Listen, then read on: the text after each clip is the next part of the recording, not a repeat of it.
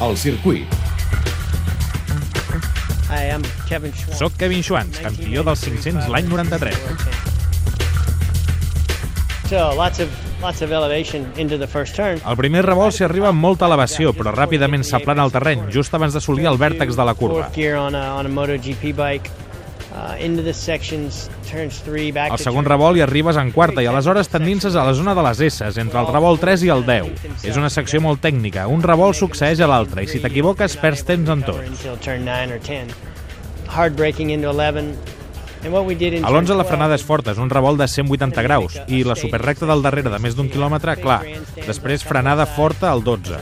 I a partir d'aquell moment entres en una zona revirada, amb moltes graderies al voltant i pots sentir realment com la gent t'esperona. Concretament, al revolt 15 sí que tens la gent com a tocar i és una zona d'avançament bona. spot.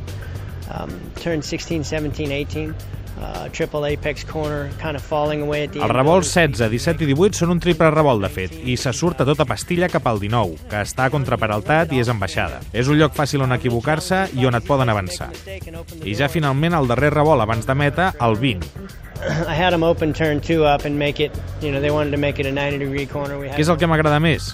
Vaig lluitar molt perquè el segon revolt fos de 90 graus i és un gran revolt per una moto. I la zona de l'estadi és la que més m'agrada perquè em recorda Hockenheim. Sentir milers de persones mentre tu hi passes és increïble. 70,000 strong could always really sense that they were cheering.